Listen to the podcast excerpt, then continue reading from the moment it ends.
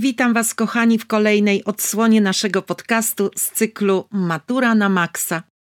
Ja nazywam się Marta Zdanowska i z przyjemnością pomogę Wam przygotować się do egzaminu maturalnego z języka polskiego. Jestem nauczycielem i egzaminatorem maturalnym. Jestem również częścią zespołu Wielkiej Powtórki Maturalnej.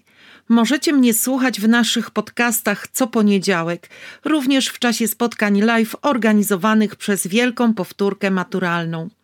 Moje notatki i pomoce znajdziecie na stronie www.wielkapowtórkamaturalna.pl. Zaglądajcie tam. Zapraszam Was również do dołączenia do mojego kursu maturalnego, również na www.wielkapowtórkamaturalna.pl. A dziś 10 motywów, które warto znać na maturze. Ale najpierw intro. To jest Matura na Maxa. Podcast z języka polskiego dla maturzystów. Prowadzi egzaminator Marta Zdanowska. Notatki z bieżącego odcinka znajdziesz na www.wielkapowtórkamaturalna.pl. We wszystkich lekturach, niezależnie od epoki, pojawiają się konkretne nawiązania do różnych motywów. Wszystkie one mają ogromne znaczenie nie tylko dla fabuły i konstrukcji utworu, ale również dla jego rozumienia. Motyw buntu. Bunt jest wpisany w naturę ludzką. Jest znakiem tego, że człowiek posiada rozum i serce. W literaturze bunt ma różne oblicza. Bohaterowie literaccy buntują się przeciwko Bogu, władzy, niesprawiedliwości świata. Buntują się również młodzi przeciw starym. To konflikt pokoleń. Zniewoleni przeciwstawiają się zaborcom, okupantom, systemom totalitarnym. Bunt jest wyrazem aktywnej postawy bohatera wobec świata, nie zawsze jednak prowadzi do oczekiwanej zmiany. W Starym Testamencie, w Księdze Rodzaju, pierwsi buntownicy, Adam i Ewa, sprzeciwili się Bogu, zrywając owoc z zakazanego drzewa poznania dobrego i złego. Za karę zostali wygnani z raju. Ich bunt mógł wynikać z ciekawości lub chęci poznania prawdy. Najsłynniejszym mitologicznym buntownikiem jest z kolei Prometeusz, tytan dobroczyńca ludzkości, który w imię miłości do ludzi sprzeciwił się Bogom. Za nieposłuszeństwo ponosi karę, która jest ostrzeżeniem dla tych, którzy ośmieliliby się sprzeciwić woli bogów. Tytułowa bohaterka dramatu Sofoklesa, Antygona, działając wbrew rozkazom Kreona, grzebie zwłoki swojego brata. Wie, że za bunt zapłaci życiem, ale nie zawahała się postąpić w zgodzie z własnym sumieniem i prawem boskim. Jan Kochanowski w trenach buntuje się przeciwko Bogu, który zabrał ze świata niewinne dziecko, a pozostawił cierpiącego ojca, nie wyjaśniając mu sensu tej śmierci. Bunt doprowadza nie tylko do kryzysu wiary, ale jest też dramatem poety, mędrca, filozofa, któremu wiedza nie pomogła w cierpieniu. W utworze Szekspira bunt Macbeta wyraża się w podeptaniu wartości takich jak wierność i lojalność wobec władcy. Sprzeciw prowadzi do zbrodni. Macbeth, dręczony wizjami i podejrzeniami, zdał sobie sprawę z absurdu swojego życia. W Dziadach części trzeciej Adama Mickiewicza Konrad w wielkiej improwizacji, niczym mitologiczny Prometeusz, podejmuje walkę z Bogiem, którego czyni odpowiedzialnym za cierpienia ojczyzny i narodu.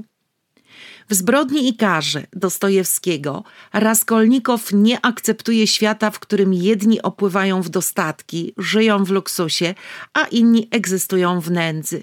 Bunt bohatera wydaje się być racjonalny, ale czyny z nim związane są irracjonalne. W przedwiośniu Stefan Żeromski opisał rewolucję, która jest buntem krwawym i okrutnym, ukazana w sposób odrażający. Efekty walk rewolucyjnych przypominają sceny z apokalipsy. Tytułowa dżuma Alberta Camus jest metaforą zła, które może przyjąć różne postaci. W powieści jest nią śmiertelna choroba. Wielu bohaterów w tym utworze wyraża swój bunt przez walkę z chorobą. Walczy z dżumą na przykład Taru, Rambert i oczywiście doktor Rie. W dramacie absurdu, czyli w tangu mrożka, na straży tradycyjnego systemu wartości, staje przedstawiciel młodego pokolenia, Artur. To buntownik przypominający bohaterów romantycznych, pragnących moralnego ładu.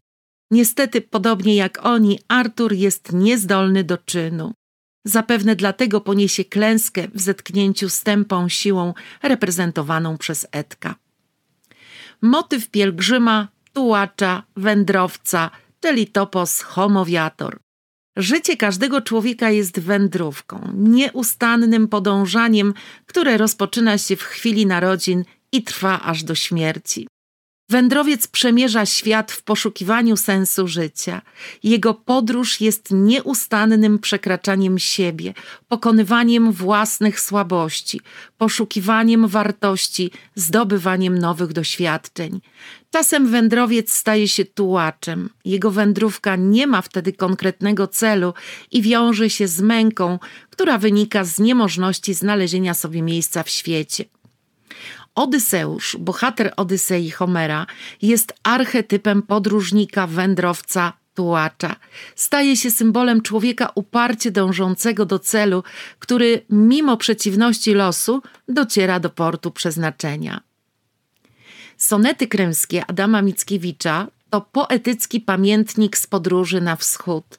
Podmiot liryczny, pielgrzym, przemierza egzotyczny kraj, zafascynowany i urzeczony pięknem przyrody i bogatą historią.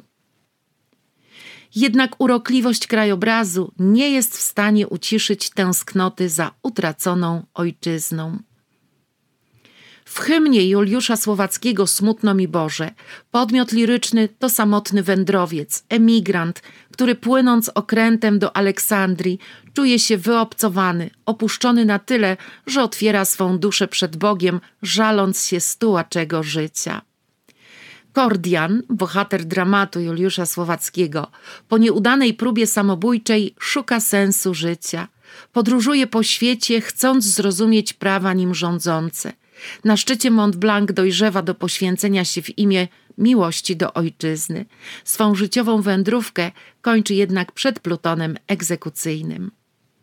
W noweli Henryka Sienkiewicza Latarnik Skawiński opuszcza ojczyznę po upadku powstania, tuła się po świecie, nie mogąc znaleźć dla siebie miejsca. Samotny, strudzony wędrówką przyjmuje posadę latarnika, wierząc, że znalazł życiową przystań. W wyniku zaniedbania obowiązków znów będzie musiał wyruszyć w podróż. Podróżnikiem, niespokojnym duchem jest Andrzej Kmicic, bohater potopu Henryka Sienkiewicza. Podróż jest dla niego tułaczką, ale równocześnie poszukiwaniem drogi życiowej. Wybiera szlak wędrówki nie tylko w sensie dosłownym, ale i drogę życia, drogę prawości, uczciwości, poświęcenia i bohaterstwa. Mały książę, bohater Egziperego, znudzony kaprysami i niewdzięcznością róży, którą troskliwie się opiekował, rusza w świat w poszukiwaniu prawdziwej przyjaźni. Dzięki wędrówce bohater wydorośleje i zapragnie powrócić na planetę, na której pozostawił róże. Motyw samotności. Człowiek jako istota społeczna rzadko wybiera samotność jako sposób na życie. Częściej zostaje na nią skazany przez los. W literaturze spotykamy różne odmiany samotności. Samotność doświadczana we dwoje lub przeżywana wśród tłumu, osamotnienie niezrozumianych artystów, geniuszy, samotność odrzuconych dzieci i starców, czy też schizofreników żyjących w świecie niepojętym dla innych ludzi. Samotność jest jednym z ludzkich doświadczeń wzbogacającym każdego z nas. Tylko w samotności przychodzi czas na głębszą refleksję nad światem, życiem i samym sobą. W utworze Goethego, Cierpienia młodego Wertera, bohater jest skazany na samotność z powodu swojej skomplikowanej osobowości. Jest idealistą, egotykiem, zapatrzonym we własne wnętrze i analizującym każde drgnienie swej duszy. W dziadach części czwartej Adama Mickiewicza mamy samotność nieszczęśliwie zakochanego Gustawa i potęgują ją wspomnienia, od których próbuje uciec w świat książek. Z kolei w dziadach części trzeciej Konrad wielkiej improwizacji jest samotnym poetą. Przyczyną tego stanu jest jego geniusz. Przekonanie artysty o własnej wyjątkowości pociąga za sobą konieczność izolowania się od świata, ale wywołuje też niezrozumienie ludzi. W Kordianie Juliusza Słowackiego przyczyną samotności bohatera jest jego szczególna konstrukcja psychiczna, która wyróżnia się nadwrażliwością, egotyzmem i odczuwaniem bólu istnienia. W lalce Bolesława Prusa stary subiekt rzecki przemierza życie samotnie. W jego burzliwej biografii nie było miejsca na miłość, a sens życia odnajduje pomagając Wokulskiemu, którego traktuje jak syna. Tadeusz Borowski w opowiadaniach obozowych opowiada o samotności więźniów obozów koncentracyjnych, skazanych na wspólny los. Każdy więzień samotnie walczy o przetrwanie. Motyw snu. Sen jest odzwierciedleniem naszej podświadomości, projekcją marzeń i odkrywa nasze niepokoje. Tren XIX Jana Kochanowskiego jest poetycką opowieścią o śnie, w którym rozpaczającemu ojcu ukazuje się duch jego matki z małą Urszulką na ręku. Sen jest dla poety pocieszeniem, o które prosił Boga. W Dziadach części trzeciej Adama Mickiewicza mamy obszerny wywód na temat snu. Pojawia się on już w prologu.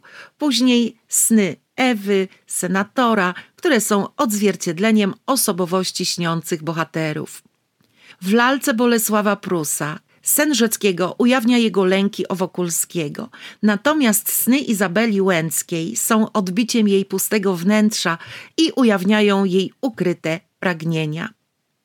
W weselu Wyspiańskiego widma pojawiające się w drugim akcie dramatu są projekcją tego, co każdy z weselników ukrywa w duszy, co przywołuje w swoich snach. Mówi o tym chochoł, który staje się reżyserem tych wizji. Co się w duszy komu gra, co kto w swoich widzi snach, czy to grzech, czy to śmiech. Motyw przemiany, metamorfozy, Trudno jednoznacznie zdefiniować pojęcie przemiany wewnętrznej. Na pewno jest to proces, który dokonuje się w sferze duchowej człowieka, zwykle pod wpływem jakiegoś przeżycia. Bardzo różne mogą być przyczyny i aspekty takiego przeobrażenia. Nie zawsze pewny jest również kierunek zmiany. Może to być zarówno duchowe dojrzewanie, jak i utrata wrażliwości, może oznaczać pogodzenie się ze światem, jak i bunt.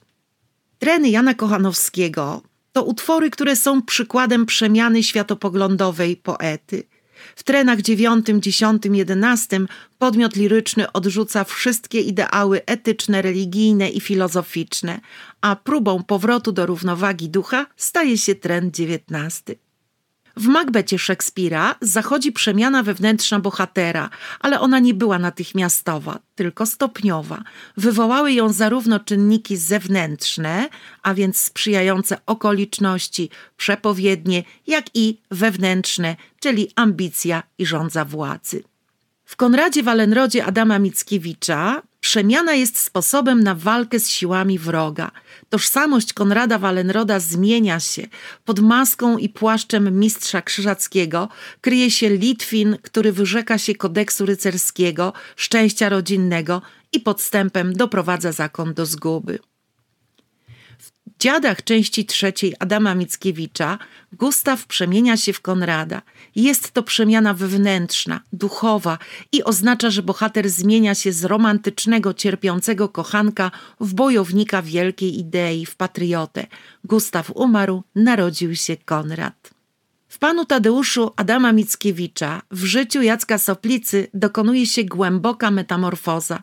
Po zabójstwie Choreszki jest postrzegany jako morderca i jako zdrajca. Wstępuje na drogę oczyszczenia i pokuty, przyjmując mnisi kaptur oraz imię Robak. W dramacie słowackiego przemiana wewnętrzna Kordiana dokonuje się na skutek krytycznej oceny świata. To efekt poszukiwań przez niego celu i sensu życia, idei. Ostatecznie na szczycie Mont Blanc bohater przemienia się w wielkiego patriotę i staje się spiskowcem, a za jedyną wartość godną poświęcenia uznaje wolność ojczyzny. W potopie Henryka Sienkiewicza wewnętrznej duchowej przemianie ulega Andrzej Kmicic. Pod wpływem uczuć do Oleńki i splotu innych wydarzeń zmienia się z sarmackiego warchoła w patriotę i pod przybranym nazwiskiem Babinicz bohatersko walczy o ojczyznę. W zbrodni i karze Dostojewskiego zbrodnia odciska na bohaterze swoje piętno i szybko staje się on jej ofiarą. Raskolnikow ulega przemianie, umiera wewnętrznie, przestaje czuć się człowiekiem. Postanowił odkupić swoje grzechy i zadośćuczynić, w czym pomaga mu Sonia. Motyw szaleństwa – Szaleństwo jest bardzo częstym i bardzo efektownym tematem tekstów kultury. Spotykamy się z nim zwłaszcza w mitach greckich, w tragediach szekspirowskich, w dramatach romantycznych, jak również w utworach współczesnych. Szaleństwo, obłęd, odmienny stan świadomości, człowiek wciąż kryje w sobie wiele tajemnic. W Makbecie szaleństwem jest rządza władzy, a dokonane zbrodnie prowadzą do obłędu. Macbeth popada w obłęd, ma halucynacje, zdaje sobie sprawę z nieodwracalności czynów. Również Lady Macbeth dotyka szaleństwo, popada w obłęd, dziwnie się zachowuje, pogrąża się w swoim szaleństwie, w końcu popełnia samobójstwo. W dziadach części czwartej Adama Mickiewicza Gustaw oszalał z miłości, ale również na skutek podróży w głąb siebie. Postrzegany jest przez otoczenie jako szaleniec, jest w skrajnej rozpaczy i nie panuje nad sobą. Z kolei w dziadach części trzeciej Konrad w wielkiej improwizacji sprawia wrażenie obłąkanego, w szaleństwie porywa się na starcie z Bogiem, jest opętany przez szatana. W utworze Dostojewskiego Zbrodnia i kara w obłęd popada Raskolnikow po zabójstwie dokonanym na lichwiarce.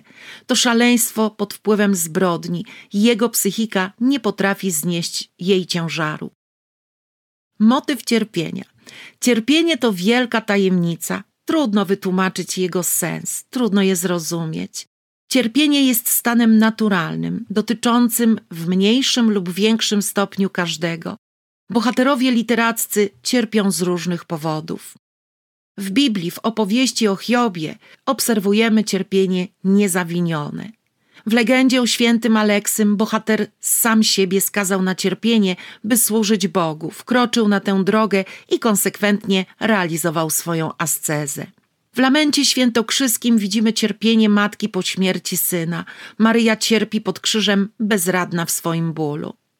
Treny Jana Kochanowskiego przedstawiają cierpienie ojca po stracie dziecka. Ojcowskie cierpienie jest tak ogromne, że spowodowało kryzys światopoglądowy poety i obawia się on, że straci zmysły. W Macbecie Szekspira mamy cierpienie zbrodniarza, który uwikłał się w łańcuch zbrodni i zaczyna przeżywać mękę wyrzutów sumienia. W utworze Goethego Werther cierpi z powodu niespełnionej miłości, w akcie rozpaczy popełnia samobójstwo. W dziadach części czwartej Adama Mickiewicza Gustaw, nieszczęśliwy kochanek, cierpi, że jego ukochana początkowo odwzajemniała jego uczucia, a potem w czasie jego nieobecności wzięła ślub z bogatym mężczyzną. Z kolei w dziadach części trzeciej Konrad przyznaje w wielkiej improwizacji, że cierpi za cały naród będący pod jarzmem cara – w lalce Bolesława Prusa również mamy cierpienie z miłości. Wokulski cierpi z powodu nieodwzajemnienia uczuć przez Izabelę Łęcką. Bolesne jest rozczarowanie Wokulskiego, gdy poznaje prawdziwe oblicze Izabeli. W zbrodni i karze Dostojewskiego mamy cierpienie zbrodniarza. Raskolnikow od pierwszej chwili po zabójstwie odczuwa strach, własną słabość, a cierpienie staje się trudne do zniesienia. Motyw wyboru. Wybór wpisany jest w życie ludzkie. To coś nieuniknionego, przed czym staje każdy z nas. Od tych, którzy dokonują wyboru, zależy ich los, czasem także los ich najbliższych, społeczności, w której żyją, a czasem i całego narodu. W Antygonie Sofoklesa mamy wybór tragiczny, całkowicie świadomy.